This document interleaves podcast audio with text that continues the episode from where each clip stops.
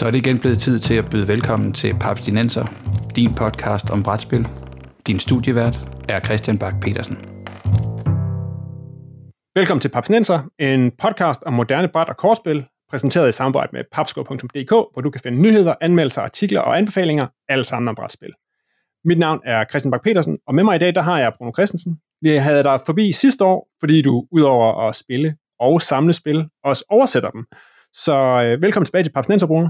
Mange tak, Christian. Det er godt at være tilbage. Fedt. Og Bruno, i dag der har vi dig med, fordi øh, vi skal fanboy over noget, som øh, over en spildesigner, som vi begge to er ret glade for, men som de to andre faste papsnenserværter ikke helt har samme øh, brændende, brændende kærlighed til. Så for at kvalificere en snak om spildesigneren Martin Wallace, så har jeg tilkaldt dig. Og skal vi lige få det hele øh, basics af vejen. Hvor mange Martin Wallace-spil er det, du har stående hjemme på hylden? Med mindre jeg har talt forkert, og det er der en stor sandsynlighed for, så har jeg 43 plus 2 på vej fra Kickstarter. Det er jo, øh, det er jo flere end øh, nogle menneskers øh, sådan generelle brætspilsamling, den tæller. Det, øh, det har jeg hørt, ja. Det er du klar over. og skal vi, skal vi lige slå fast, Bruno, er, er Martin Wallace den brætspilsdesigner, du har flest spil med, sådan lige fra, fra hoften? Ja, det er det. Øh, jeg tror, Bruno Catala kommer ind på en anden plads med omkring 10 titler, eller sådan noget. Okay. Ej, nej, det er også Jeg kan jo selv mønstre, og jeg tror lige, jeg talt efter 14 eller 5 titler, og jeg har lige skilt mig af med et par, men har i hvert fald også en Kickstarter på vej. Men det kan vi lige komme til at runde senere, hvad det er, hvad det er han har i, i støbeskeen, og hvad vi kan forvente os i, her i, i 2021 fra, fra Martin Wallace, for han er jo en forholdsvis produktiv spildesigner. Det må man sige. Men jeg har lidt et spørgsmål, fordi der var noget, jeg ikke forstod. Kan man skille sig af med Martin Wallace-spil? Jeg, jeg, har, jeg, jeg, nu, det, jeg har jo sendt det videre til vores fælles bekendte Lars, som er, også er en fejnsmækker, så jeg ved, de er et, de er et, et godt sted. Et, okay. et rart sted. Jamen, så, så er jeg mere rolig. Fedt. Øh, og jeg er sikker på, at uh, Lars han nok skal give mig forkøbsret, hvis han på et tidspunkt skulle ende med at skille sig af med et spil om tinudvinding i, uh, i England for, i forrige århundrede. Det kan være igen, vi kommer forbi temaerne her i løbet af os, men skal vi ikke lige kridte op, Bruno? Hvad er det ved Martin Wallace som, øh, som spildesigner, som har sat ham op blandt, hvis ikke din favorit, så blandt dine favoritter, i hvert fald en, du har givet dig og investere så meget tid og spil i? Og det er jo svært, altså, øh, hvad er det for nogle ingredienser, der gør den en, en god madret smager godt? Øh, jeg, jeg synes, mange af hans spil har en, en rigtig tight action economy, altså hvor man vil en hel masse, og man skal virkelig optimere sin ture for at nå det hele. Øh, typisk har du måske øh, 15 eller 20 actions i løbet af et helt spil, og, og hvis du spiller dem på det forkerte, så taber du. Øh, og der er tit god interaktion mellem de handlinger, man så har. Øh, både ens egen handlinger, men også det, de andre gør. Øh, hvor, hvor du skal bruge nogle ressourcer, som de andre har produceret, eller øh, du kan bruge deres rutenetværk på en eller anden måde. Øh, det, det synes jeg er øh, det synes jeg er ret interessant. Øh, og så ja, altså meningsfulde valg, det er det er sjældent at man at man har en bestemt øh, handling som som er den eneste der giver mening. Tit så er det en opvejning af okay, hvis jeg gør det her, så scorer jeg på den måde, men så går jeg glip af det her over i stedet for. Øh, og så synes jeg, at, at mange af temaerne er spændende. Altså, det er jo, øh, det er jo industrialisering, og det er øh, civilisationers øh, opblomstring og fald, og øh, han har en bred vifte øh, af, af, synes jeg, spændende temaer. Ja, og så er han jo glad for tog også. Øh, det må man sige. Han har lavet en... Jeg tror, han har lavet omkring 20 forskellige spil, hvor tog spiller en, en central rolle. Øh, han har endda et spil, som hedder Martin Wallace's Totally Renamed Train Game. øh, det var en alternativ æske til Steam, på grund af noget legal battle, men altså, øh, ja, øh, tog kan han godt lide. Tog kan han godt lide. Okay, men skal vi lige, og inden vi, vi kaster os ned i nogle af de her temaer, og, og, og hvordan han sådan klarer at formidle dem på et bræt, kan, vi, kan du give sådan et kort ris over Martin Wallaces karriere og hans baggrund? Fordi han er jo også en mand, der sådan har, har rejst noget rundt og har haft eget firma blandt andet. Ja, altså han er jo oprindeligt fra Manchester, England, øh, og der er også flere af hans spil, der udspiller sig i det område, måske af den grund. Øh, han spillede sådan øh, Avalon Hill og SPI brætspil som teenager. Øh, og Dungeons and Dragons også. Øh, og så fik han arbejde i en Games Workshop butik, øh, hvor han langede spil af forskellige art over disken. Øh, så han uddannet som historielærer, blandt andet, selvom han vist ikke har bedrevet det fag i, i nogle år efterhånden. Øh, og han flyttede til Australien. Jeg kan ikke huske, om det var i midt 90'erne, tror jeg nok, og så har han så røget videre til New Zealand øh, sidenhen, øh, hvor han, han driver øh, sit design øh, projekt fra. Han havde også, som du sagde, øh, Tree Frog Games, som han lukkede for, hvad er det, 4-5 år siden, for at, at fokusere på designspil, i stedet for at være, øh, hvad skal man sige, øh, økonom og træffe øh, gode beslutninger, sådan øh, forretningsmæssigt. Ja, ja, for Tree Frog, det var jo simpelthen sådan et, at det var jo et, et, et firma på, på niveau med så mange andre brætspilsfirmaer, hvor med eget logo på æsken, og hvor det hele så, som stod for alt til distribution og komponenter og tryk og det hele. Ja, nemlig. Øh, og sådan ret karakteristiske æsker. Man kunne, man kunne tit genkende Martin Wallace-spil på æsken, øh, også uden at se hans navn, øh, fordi de brugte sådan den samme kassestørrelse og den samme øh, altså farvepalet og sådan nogle ting.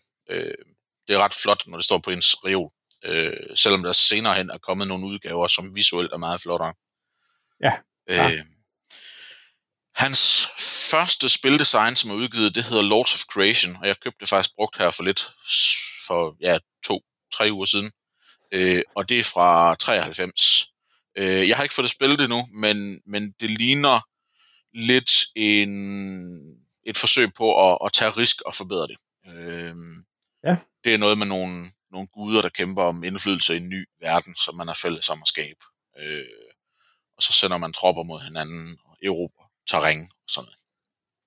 Øh, Meget klassisk krigsspil, lyder det sådan. Ja, det lyder ret. Øh, og jeg tror, jeg tror ikke, det er et fantastisk godt spil, men, men der var en, der solgte det, og jeg måtte eje det.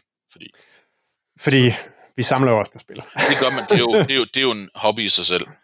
Ja, det er nemlig øh, Han har designet et eller andet sted over 120 øh, brætspil og eller udvidelser til brætspil. Øh, jeg tror, Board Game Geek siger 127, men jeg synes, der var et par stykker af dem, som, som var genganger. Så. Men altså 120 er, synes jeg, et, et pænt tal. Som ja, siden 93, ja, må man sige. det er et par stykker om året, hvis jeg ja. lige kan min matematik ordentligt. Okay.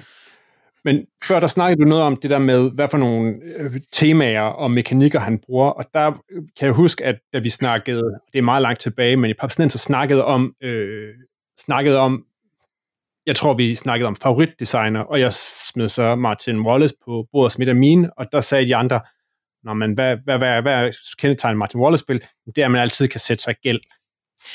Øh, ja, det kan man i hvert fald i rigtig mange af hans spil. øh, og nogle gange skal man også sætte sig i gæld i hans spil, for ligesom at have en chance. Ja, gotta, gotta uh, lend money to make money. Det er jo det. Øh, jeg tror, det er Age of Industry, som er... Han lavede Brass, som ligesom er hans store flagskibsspil, og så et par år senere, så udgav han en strømlignet version, der hedder Age of Industry.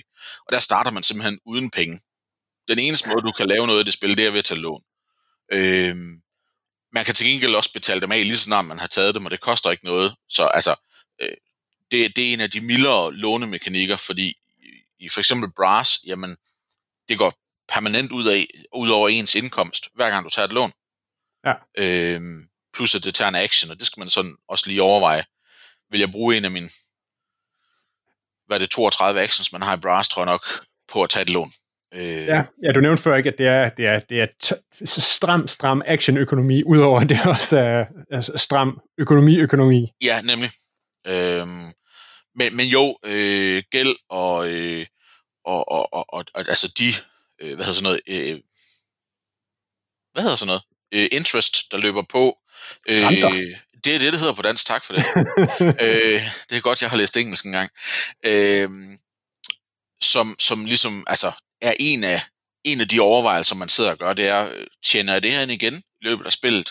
Øh, og det, øh, men altså ellers så er det jo, man kan sådan groft dele hans, hans spil ind i tre kategorier, vil jeg sige. Øh, der er nogle, nogle spil ud over det, men, men størstedelen af hans øh, kreation, det er noget om industrialisering, historiske slag, eller de her civilisationer, der, der blomstrer op. Øh, og der har han både været helt tilbage i oldtiden, og han har også lavet noget om, om imperialisme og kolonisering. Og øh, jeg ved, du er, er glad for Australia, som jo, bortset fra at det har fået påklistret et Cthulhu-tema, så handler det jo om den hvide mands øh, udnyttelse af de stakkels indfødte i Australien. Ja, øh, man skal bare lige hø- man skal høvle en, en, en markant stafage af Shoggoth og Cthulhu og, øh, og kultister af, så er det det, det handler om nedenunder. Det er jo det, øh, og der førte også tog med, så vidt jeg husker. Oh, ja. Med kanoner. Bare for man, at skrue op på 11. Præcis. præcis. Øhm, så, men ja, altså tog, som vi har været inde på, øh, betyder meget. Øh, brass, steam, øh, First Train to Nuremberg, det handler alle sammen om at opbygge ruter, øh, og eventuelt at samle, samle passagerer eller, eller varer op og levere dem et sted, hvor man så får nogle penge og eller victory points for det. Øh, og tit så kan man udnytte hinandens rutenetværk, eller man kan, øh, altså for eksempel i Brass, hvis jeg vil bygge en bestemt industri, så skal jeg måske bruge noget kul, som du har bygget et sted i det netværk, som vi begge to er en del af. Øh, og på den måde så får vi begge to noget ud af, at du, at du bygger kul, eller at jeg bygger stål, eller øh, ja, øh, så på den måde så, øh, jeg synes, det, det, det, det er en god måde at afspejle på, hvordan industri, industrialiseringen i virkeligheden foregik. Altså det her med, at, at det var ikke bare en eller to, det var, det var et netværk, som, som tjente på hinanden. Ja. Øh, må, må jeg lige smide en, en ting forbi, som du lige nævner? Du nævnte lige uh, Last Train to Nuremberg, og så kom jeg til at tænke på uh, det spil, der hedder London, som, hvor man jo også, uh, som handler om at, at genopbygge London efter uh, The Great Fire, hvor man ligesom hen over tre tidsepoker tilføjer nyt og skal ligesom bygge byen op og være den bygherre, der, der tilføjer de smukkeste ting. Og en af de ting, jeg tænkte på der, det er, at han arbejder med noget, at man laver nogle tabloer, eller man bygger nogle ting, men hvor det er min oplevelse, at han flere gange bruger den mekanik, der hedder, at man kun kan bruge tingene én gang.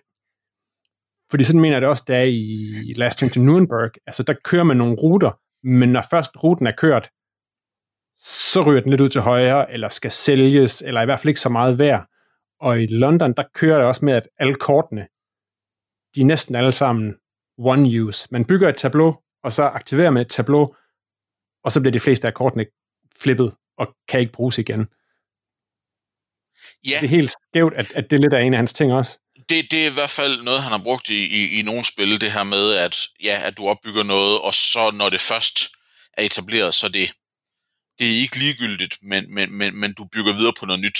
Altså ja. i, i Brass, når du først har øh, flippet, hedder det i det spil, når du først har, har, øh, har gjort sådan til din kulmine, den er op at køre, sådan rigtigt, ja. så er den kulmine mere eller mindre ligegyldig i resten af spillet. Og jo, man får lige point for den en, en gang mere i slutningen af spillet. Ja. Men ellers så gør den ikke mere. Den, den, den optager en plads på brættet, og det er det øh, i London, som jeg også synes er et fantastisk godt spil, jamen der, der bygger du det her tableau med kort, og jo, nogle af dem får du lov til at blive liggende og kan bruge flere gange, men mange af dem er netop one use, og så, så er det det. Men, men de ligger i nogle stakke, og jo flere stakke du har, jo dyrere er din by at køre, og derfor får du mere øh, poverty, hedder det det spil. Det vil sige, at dine administrationsomkostninger bliver dyrere, jo, jo bredere en by du bygger.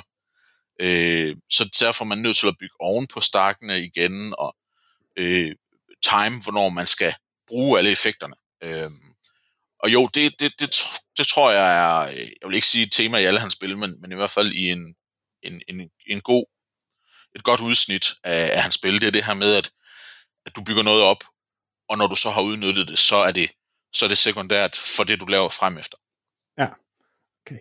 Øhm, nu, nu vi sidder og snakker om det her, så kan det måske, altså jeg, jeg, jeg brænder for mange, mange af de her spil, vi allerede har, har snakket om og har haft London på for, her for nylig. Det er også, altså, jeg kan virkelig godt lide det, at det er kommet i, i to udgaver. Har du, du har spillet uh, second edition? Nej, jeg har faktisk kun prøvet first edition, og jeg, jeg fortryder lidt, jeg ikke uh, i hvert fald har prøvet second edition. Jeg ved ikke, om jeg skal udskifte den. Jeg hører både gode og dårlige ting om den.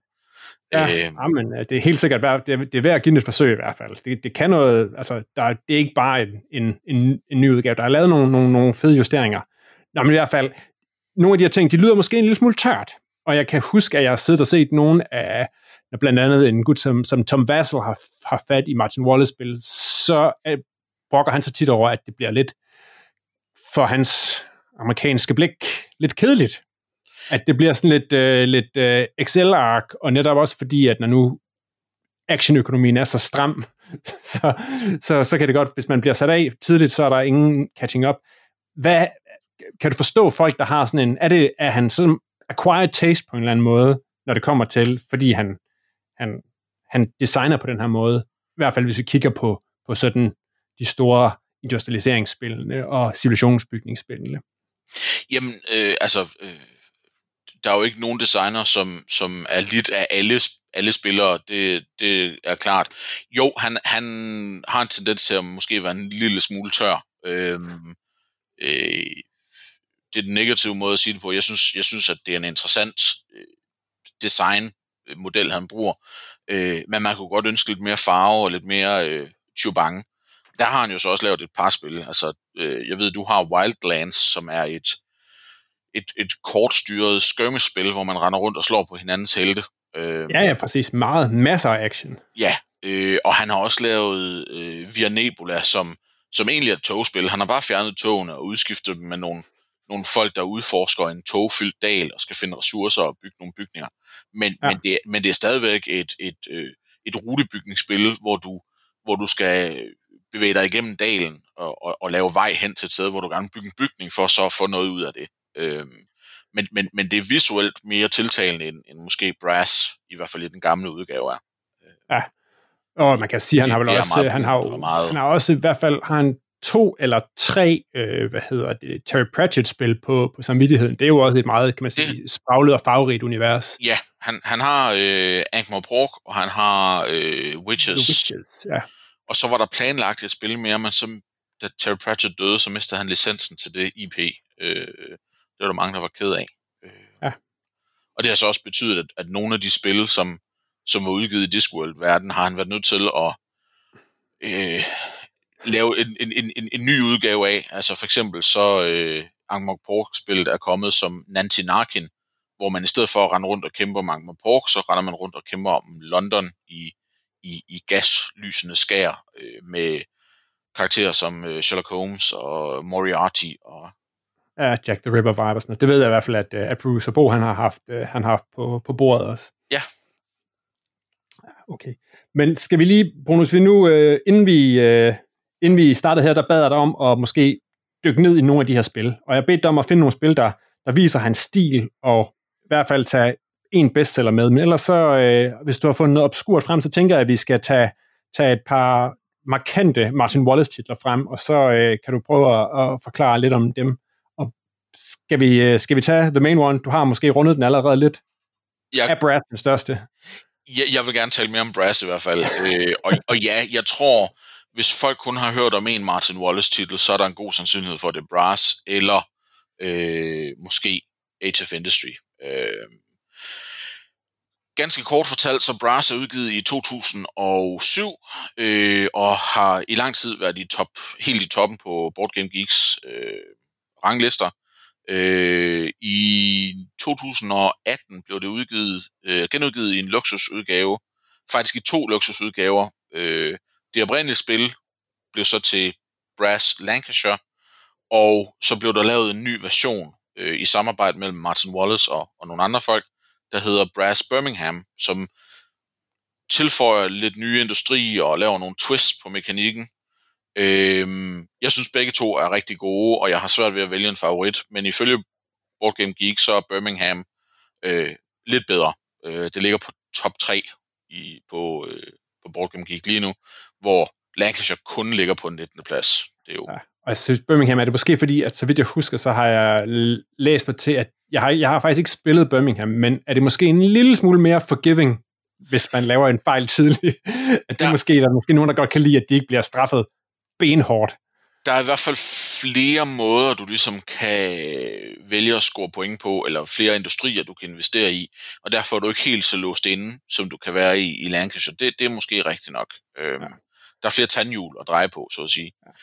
Men altså, det er jo et spil om industrialisering i, i England fra cirka 1750 til ja, 1900 eller sådan noget. Øh, det er delt op i, i to æraer. Først er der kanalernes æra, hvor man øh, bygger kanaler og øh, kulminer og stålmøller og øh, bomuldsfabrikker øh, og, øh, og forskellige andre industrier. Og når man så har kørt øh, den æra færdig, hvor hver spiller har et vis antal actions, så scorer man point for de industrier, der ligesom er kommet op at køre, og så nulstiller man delvis brættet, og så er det jernbanernes tid. Og det betyder ikke, at, at det, man har bygget i første halvdel af spillet, ikke betyder noget, men, men, men det er bare sekundært, fordi øh, kanalerne kan ikke transportere nok kul, så man har brug for jernbanerne. Man har stadigvæk fået noget indkomst, baseret på det, man lavede i første øh, tidsperiode, og forhåbentligvis også nogle victory points, men, men, men så bygger man videre ud fra det netværk, man ligesom etablerede i første, første halvdel af spillet. Øhm, det er et kortbaseret spil, forstået på den måde, at hver spiller har nogle kort på hånden, og hver gang du vil tage en action, så skal du spille et kort, som enten matcher den industri, du vil spille, øh, eller matcher det sted, du vil bygge en industri. Så, så hvis du laver lave en, ja, en øh, kulmin i Manchester, så skal du have et Manchester-kort eller kulmin-kort, eller på en anden måde være forbundet til Manchester med de, de jernbaner eller kanaler, du har bygget. Øhm, og så kan man, man kan udvikle på sine industrier, sådan så man springer de dårlige første trin af for eksempel stålmøllen ud over.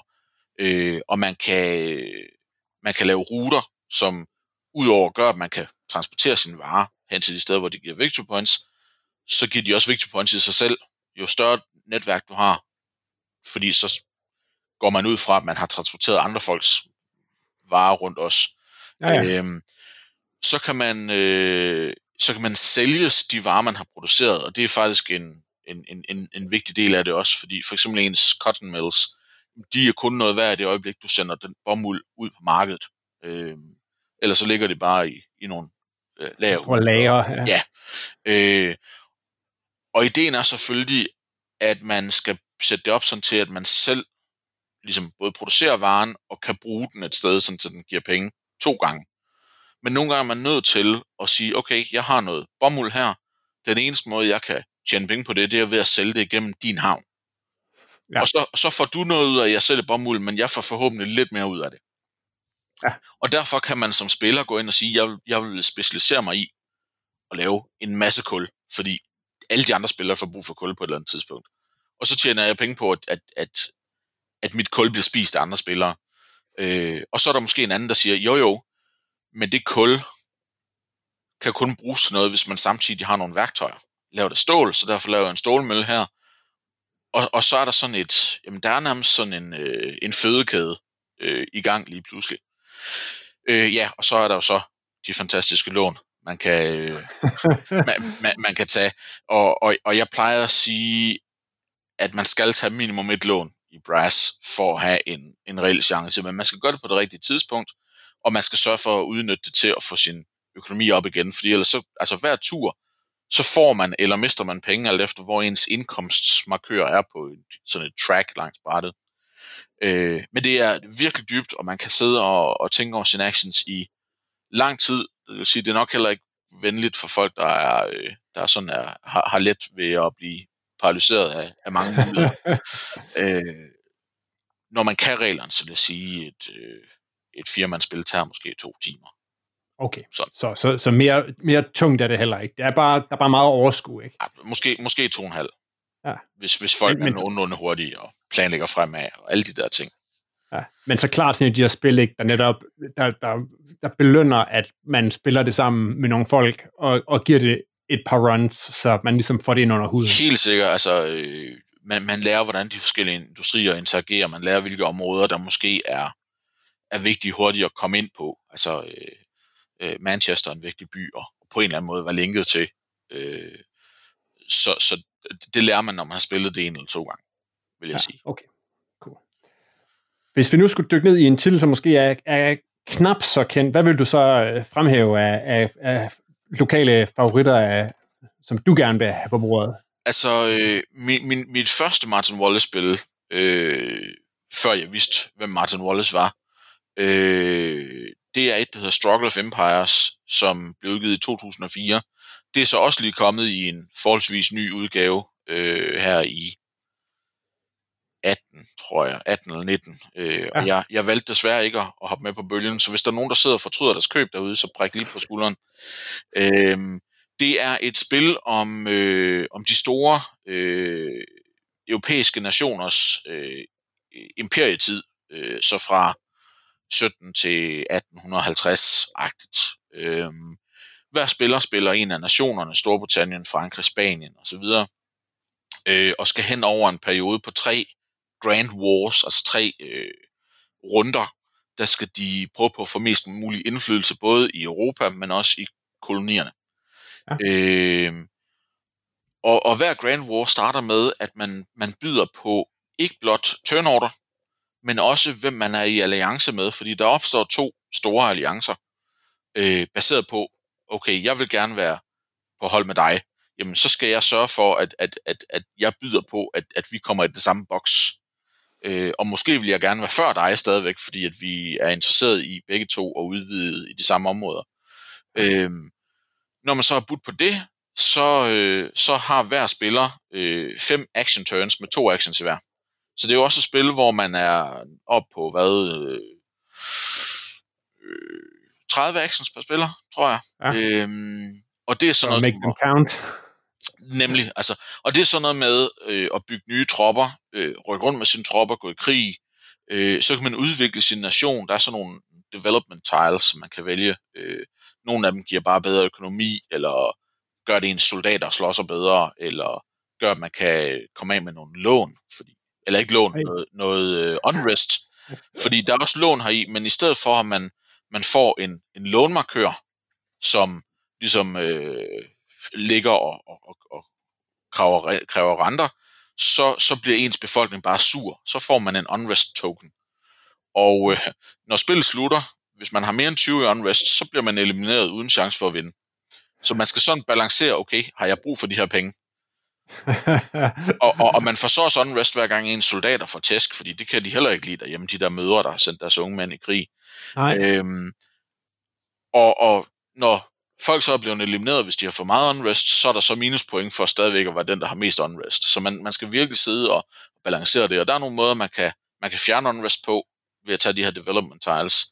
Øh, der er nogen, der gør, at, at ens actions er, er mere effektive, altså øh, ryk tre tropper i stedet for to tropper, når du tager en move action, eller øh, nogen, du måske må bruge en gang per, per krig til at tage en free action. Øh, en af mine yndlings, det er en, hvor du har et diplomatkorps, så du kan lave en gratis alliance med en minor nation, uden at det koster en action.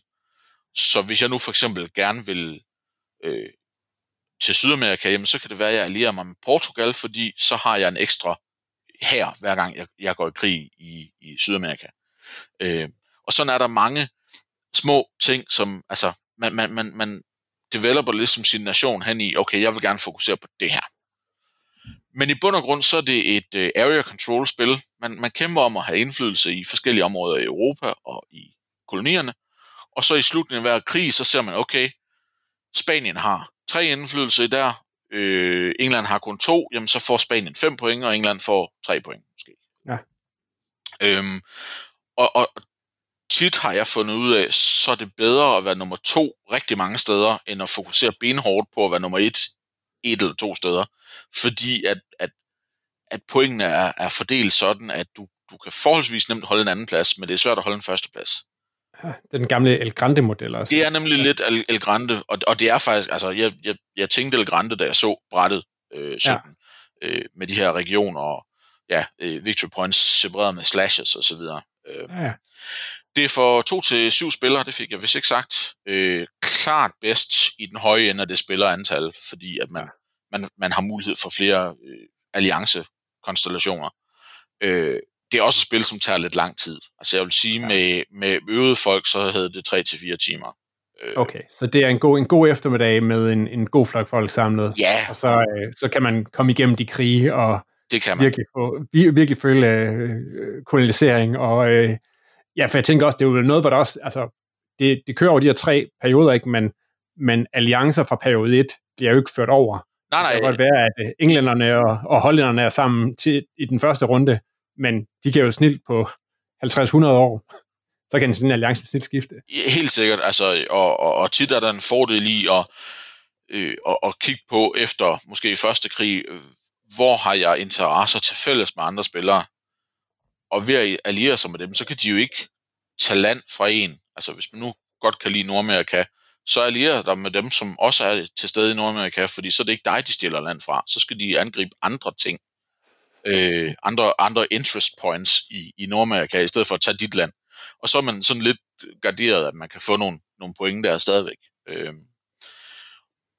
Det sidste, jeg vil sige om det spil, det er, øh, kampsystemet, synes jeg, er ret interessant. Selvom det bruger terninger, så, så har han, øh, han har gjort det lidt mindre random, end for eksempel Risk er. Så, øh, vi har jo alle sammen prøvet et riskspil, hvor Afghanistan bliver holdt af en soldat mod ja kæmpe herre. Det er en sidste trop, og så kan man få lov til at stå der. Ja. I, øh, i, I Struggle of Empires, der slår hver spiller to terninger, og så trækker de den lavest fra den højeste. Det vil sige, at, at, at, at kurven på udfald, den, den bliver ret fladet ud. Altså, gennemsnitslaget er 1,2 eller sådan noget. Og så, og så lægger man antallet af tropper, man har, og hvis man har bedre trænede soldater, så får man en bonus, og hvis man har naval support, så får man en bonus. Hvis man har øh, en alliance i området, så får man en bonus. Og så ser man, hvem der har slået højst. Og den, der har slået lavest, mister så en soldat. Øh, men hvis, man, hvis summen af ens terning giver syv, så mister man egentlig meget, om man vinder eller taber. Men har man ja. nu kaldt en af sine allierede med ind i slaget, for det kan man også, og man slår syv, så er det en af deres folk, der dør. Så det kan godt ske, at du gjorde mig en tjeneste ved at hjælpe mig mod øh, spanjolerne nede i, i Mellemamerika. Men, men det koster dig nogle mænd, i stedet for at det koster mig nogle mænd. Fordi syv ja. er, er forholdsvis hyppigt slag ja. på terningerne. Det er jo stramme alliancer nogle gange. Sådan. det, det var det. Okay, cool. Hvis vi nu skal tage et, uh, hurtigt tage et sidste tredje spil, er, er der så noget sådan lidt kortere, lidt mere uh, tight, lidt mere, måske en lille smule mere let tilgængeligt af Martin Wallace-spil, som du synes, man, man kan, kan fremhæve? Altså, øh, jeg, jeg synes, den var svær, fordi øh, du sagde jo, at jeg skulle, jeg skulle tænke over tre spil, og jeg var sådan lidt, om jeg skulle tage noget af hans nyere, eller noget af hans gamle, eller... Øh, så, så jeg har sådan lidt overvejet, om det skulle være London, som vi har været lidt inde på, så den kan vi så lade være med. Om det skal være øh, A Few Acres of Snow, som er hans første forsøg på en deckbuilder, øh, eller om det skulle være hans, en af hans nyeste spil, som hedder Anno 1800. Øh, jeg ved ikke, om du har en præference, for jeg kan snakke om alle tre. Man kan jo så give os anno 1800, fordi jeg tror, at de andre, dem har vi sådan lidt med at være rundt, og så kan vi lynhurtigt øh, vende The Halifax Hammer, inden vi, øh, inden, vi, inden vi klikker af. Også fordi den, jeg tænker, at of Snow er, en lille smule sværere og tilgængeligt, fordi det kan man ikke gå ned og købe i butikkerne i hvert fald. Så det, kan du ikke, det er selvfølgelig rigtigt. Kan du Jamen, ikke kridte mig op på 1800? Anno 1800 er øh, baseret på en computerspilserie, som hedder ja, fra, 18, fra anno 1400 til sikkert 1800, tror jeg, den sidste hedder. Jeg har læst, at Martin Wallace aldrig har spillet nogle af de spil, men alligevel så er det lykkedes ham at designe et, øh, et brætspil, som har jeg hørt, for jeg har heller ikke spillet dem, øh, rammer stemningen fra, fra computerspillet rigtig godt. Øh, man spiller en øh, nation omkring år 1800, der er navnet, som øh, har en befolkning af primært uuddannede øh, bønder, øh, og så har man nogle basisindustrier på sådan et, et, et board foran sig. Og man vil gerne udvikle sin nation, øh, og det gør man ved at, at bygge bedre industrier, øh, enten oven på eksisterende industrier eller ved siden af. Men for at gøre det, skal du bruge nogle bestemte ressourcer, og der bruger du så din befolkning, som er workers i forskellige farver, og siger, når jeg skal bruge noget træ, der kan jeg bruge en, en bonde, ham sætter jeg ned på min træfabrik, det hedder det nok ikke, men altså der, hvor man producerer træ, og så må jeg tage en øh, kassemager, måske, ja, ja. eller et eller andet. Og så efterhånden så får man bedre og bedre industrier i sin nation, og man får også uddannet sin befolkning og udvidet sin befolkning med nogen, der måske er håndværkere i stedet for bønder, og nogen, der er videnskabsfolk, og nogen, der er bankmænd, og de kan forske- altså, de forskellige industrier kræver forskellige farver workers. Ja. Øh, men det i sig selv giver ingen victory points. Det, der giver victory points, det er, at du har nogle kort med, med population på, og de har nogle behov. Så du har måske et kort med nogen, der gerne vil have whisky og dåsemad. Jamen, hvis, hvis du så har, har en whiskyfabrik og en dåsemadsfabrik, så kan du som en action producere de varer, igen ved at sætte workers ned på dem, og så sige, jeg spiller det her kort. Og det giver så nogle victory points, og de fleste af dem giver også en eller anden immediate benefit, enten i form af nogle penge. Penge kan man bruge, når man øh, skal, skal tage... Hvis, hvis, hvis du gerne vil bruge en worker, der er allerede placeret, så kan du sende ham på overarbejde ved at betale ham løn. Ja, ja. Øh, eller giver nogle trade tokens, fordi hvis du har trade tokens, så kan du bruge andre spillers industri. Øh, så, så discarder du en eller flere trade tokens, og, og den anden spiller får nogle penge af banken, og så lader du som om, at du lige har placeret en worker på en af hans fabrikker. Øhm, og nogle af dem giver øh, der lov til at trække flere kort, som så igen er, er behov, du kan opfylde, og derved for victory points. Og så kan man så også gå ud og ekspandere i enten den gamle verden, så får man plads til flere fabrikker, øh, fordi der er begrænsning på, hvor mange fabrikker du kan have på dit board til at starte med. Eller du kan tage ud og, og, og kolonisere den nye verden, hvor du får adgang til nogle eksklusive ressourcer, som kun kan fås derude, såsom gummi og kaffe og te, eller ikke te, hvad hedder kaffe og tobak og sådan nogle ting. Og især... Det er garanteret også give nogle victory points til noget befolkning, der gerne Ja, vil noget fordi, tobak. fordi især de, de mere velhavende befolkningskort, øh, kort, eller hvad hedder mere værdifulde befolkningskort, de kræver mere eksklusive varer, såsom øh, cigarer, eller guldurer, eller lignende. Rom. Og, eller rom, nemlig, Ja, yes. ja. Så man sidder sådan og, og, og, og prøver på at få sin produktionsmaskine op. Der er ingen krig i spillet. Du har godt nok nogle, nogle krigsskib, som du kan sende ud på ekspeditioner, men det, det er bare, jeg betaler tre tokens for at tage det her kort, eller opfylde det her kort, som giver mig noget. Det er ikke sådan, at du, du smadrer den anden spillers industri, eller, eller sender tropper afsted. Det er ren industri i, i 1800-tallet. Øhm, det kom på tysk lige før jul, øh, og jeg var så heldig, at min Secret Santa sendte mig spillet. Var jeg glad for. Øh, og det er på vej i en engelsk udgave. Men altså, man kan sagtens spille det med den tyske, fordi der er meget, meget, meget lidt tekst i selve spillet. Reglerne er på tysk, men de kan findes på engelsk på nettet. Øh, men ja, jeg synes, det Det, er... lyder som en, det lyder som en lidt mere nemmere tilgængeligt, lidt mere chipped end, end for eksempel Brass og, og de Ja, andre store. Altså, der, der er stadigvæk nogle, øh, nogle interessante valg, men, men man er ikke helt så, man bliver ikke straffet helt på samme måde, fordi øh, spillet slutter ikke efter et vis antal actions. Altså, det, det slutter, når visse, øh, hvad hedder sådan noget, øh, objectives er mødt. Øh, Ja. når, når, når en spiller øh, har en befolkning, der er tilfreds, hele befolkningen er tilfreds, så slutter spillet. Øhm, så, men jo, det, det, det vil være et bud på et nyere Martin Wallace-spil, som første spil er lidt forvirrende, men, men så er man faktisk godt med, synes jeg. Okay. Øhm, Fedt. og det tager, det tager nok to, to og en halv time første gang, man spiller, vil jeg tro. Okay. Men det er jo også, altså, det synes jeg jo, altså, når man spiller London for eksempel, det er jo også et spil, der måske første gang, fordi der er mange forskellige kort, og de kan alle sammen noget forskelligt, og kan spille sammen på forskellige måder, så kan det også virke lidt smule overskueligt, men når man så dykker ned i det, så er det faktisk et, altså, det er et spil, hvor der er fire actions, du kan tage. Ja. Og dem kører du igen og igen. Og så skal du selvfølgelig holde styr på din kort, men du skal sjældent holde styr på mere end 4-5 kort samtidig. Så det er faktisk, når først man sådan har det indenunder, så kører det faktisk ret elegant og hurtigt. Og jeg synes egentlig, måske min oplevelse af mange af hans spil, at, at det, det virker måske en lille smule overskueligt, men, men valget af ting, du kan, bliver ret hurtigt snævret ind, eller du, snart du har ligesom fanget, hvordan tingene de falder sådan dang, dang, dang, så er det bare, kør den her, gentag, kør den her, gentag, med, med nye valg, altså. Ja, jamen det, det vil jeg give dig ret i. Altså, øh, mange af hans spil, der er der kun 4-5 forskellige handlinger, du kan vælge, hver gang det er din tur. Øh, det, det, der er kompleksiteten, det er, hvor, hvilke konsekvenser der er af de handlinger. Men, ja. men selve handlingerne er nemme nok at forstå. Altså, spil kort, eller øh, udfør effekten på et kort, eller på den måde. Altså jo, Ja. øh, det, det synes jeg faktisk er en god observation. Okay. Og skal vi lige her til allersidst, så skal vi, altså et af hans andre ret kendte spil, det er jo det, der hedder A Few Acres of Snow, som er et deckbuilder krigsspil, hvor franskmænd og englænder Kæmper om. Nordamerika. kæmper om Nordamerika. Det er endda et Øh. øh. asynkront deckbuilder. for Ja, lige lige, at, at, at, at skrue et ekstra buzzword på. Ja. Øh, Og, det, og jeg, har, jeg har det, og jeg har spillet det, og man kan spille det på øh, det site, der hedder Yugatar, hvor jeg jo bruger en del tid nu, hvor man ikke må spille møde så meget fysisk.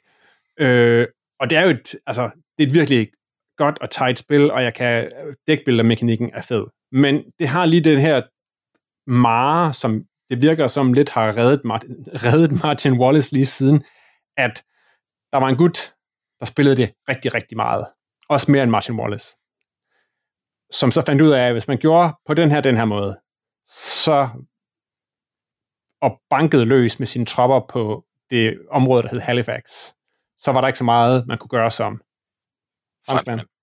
Det er rigtigt nok. Øh, jeg har indtryk af, at, at, at det er mere eller mindre blevet løst i second edition, som, som er den, jeg har. Øh, jeg har aldrig ja. formået at, at, at lave en Halifax hammer. Øh, men, men det er rigtigt nok, at i first edition, der var der en, en, en, en svaghed i måden, som kortene fungerede og interagerede med hinanden, som netop gjorde, at, at britterne, de kunne, hvis de, hvis de øh, kottede så meget ud af deres dæk som muligt, så de kun havde de vigtigste kort tilbage, og det kan man forholdsvis nemt i det spil, øh, så, kunne de, så, så kunne de tage først Halifax, og så kunne de gå fra Halifax direkte til Quebec, og spillet slutter. En af måden spillet slutter på, det er, når man har, mod, øh, har overtaget modstanderens hovedstad, Quebec er franskmændenes hovedstad. Øh, så skal man stadigvæk have flere victory points end franskmænd. Øh, men hvis man har været hurtig til at gøre det, så har franskmænd ikke nået at score andre point, eller i hvert fald kun ganske få. Øh, jeg har ikke set den udført, jeg har læst om den mange gange, og, og det er rigtigt nok, det er en mare, der har reddet ham. Øh, han udgav et spil for tre år siden, tror jeg, to, to-tre år siden, der hedder Lincoln, som handler om øh, den amerikanske borgerkrig. Ja. Øh, og, og, og der blev, begyndte man at snakke om, om der var en, en Halifax Hammer, baseret på øh, de, det første, den første udgave af reglerne, der var lagt ud. Og det betød faktisk, at Martin Wallace, han, han udskudt øh, færdiggørelsen af, af kampagnen, indtil han havde fået ændret reglerne. Ja. Fordi, fordi han ikke ville have den siddende, en, en Lincoln Lance, jeg ved ikke, hvad den skulle hedde, men i hvert fald. øh, og altså, jeg, jeg tror, der er mange, der har spillet First Edition uden at finde The Halifax Hammer, men, men folk har jo adgang til internettet, og hvis man først læser om en strategi, der virker 90% af gangene, så prøver man jo på at køre den. Og det er lidt ærgerligt, når nu spillet kan en hel masse andet også. Ja, det virker også lidt som om, at, at øh, jeg, jeg så faktisk et, et interview med ham her for et par uger siden på, øh, på øh, live på Facebook, hvor han også selvfølgelig endnu en gang blev konfronteret med det, hvor han jo også hvor han jo stod ned og sagde, og sukkede lidt, og han må godt mærke, at måske gider han ikke snakke om det i alle interviews. Øh, og men det var også det der med, at, at hvis, man, hvis man spiller spil så mange gange, tusind gange, og dedikerer sig på den måde, ikke, så mente han, jamen, så, så, så, så, så vil man, nogen måske finde ud af, at der er en vinderstrategi, som virker 9 ud af 10 gange. Ja.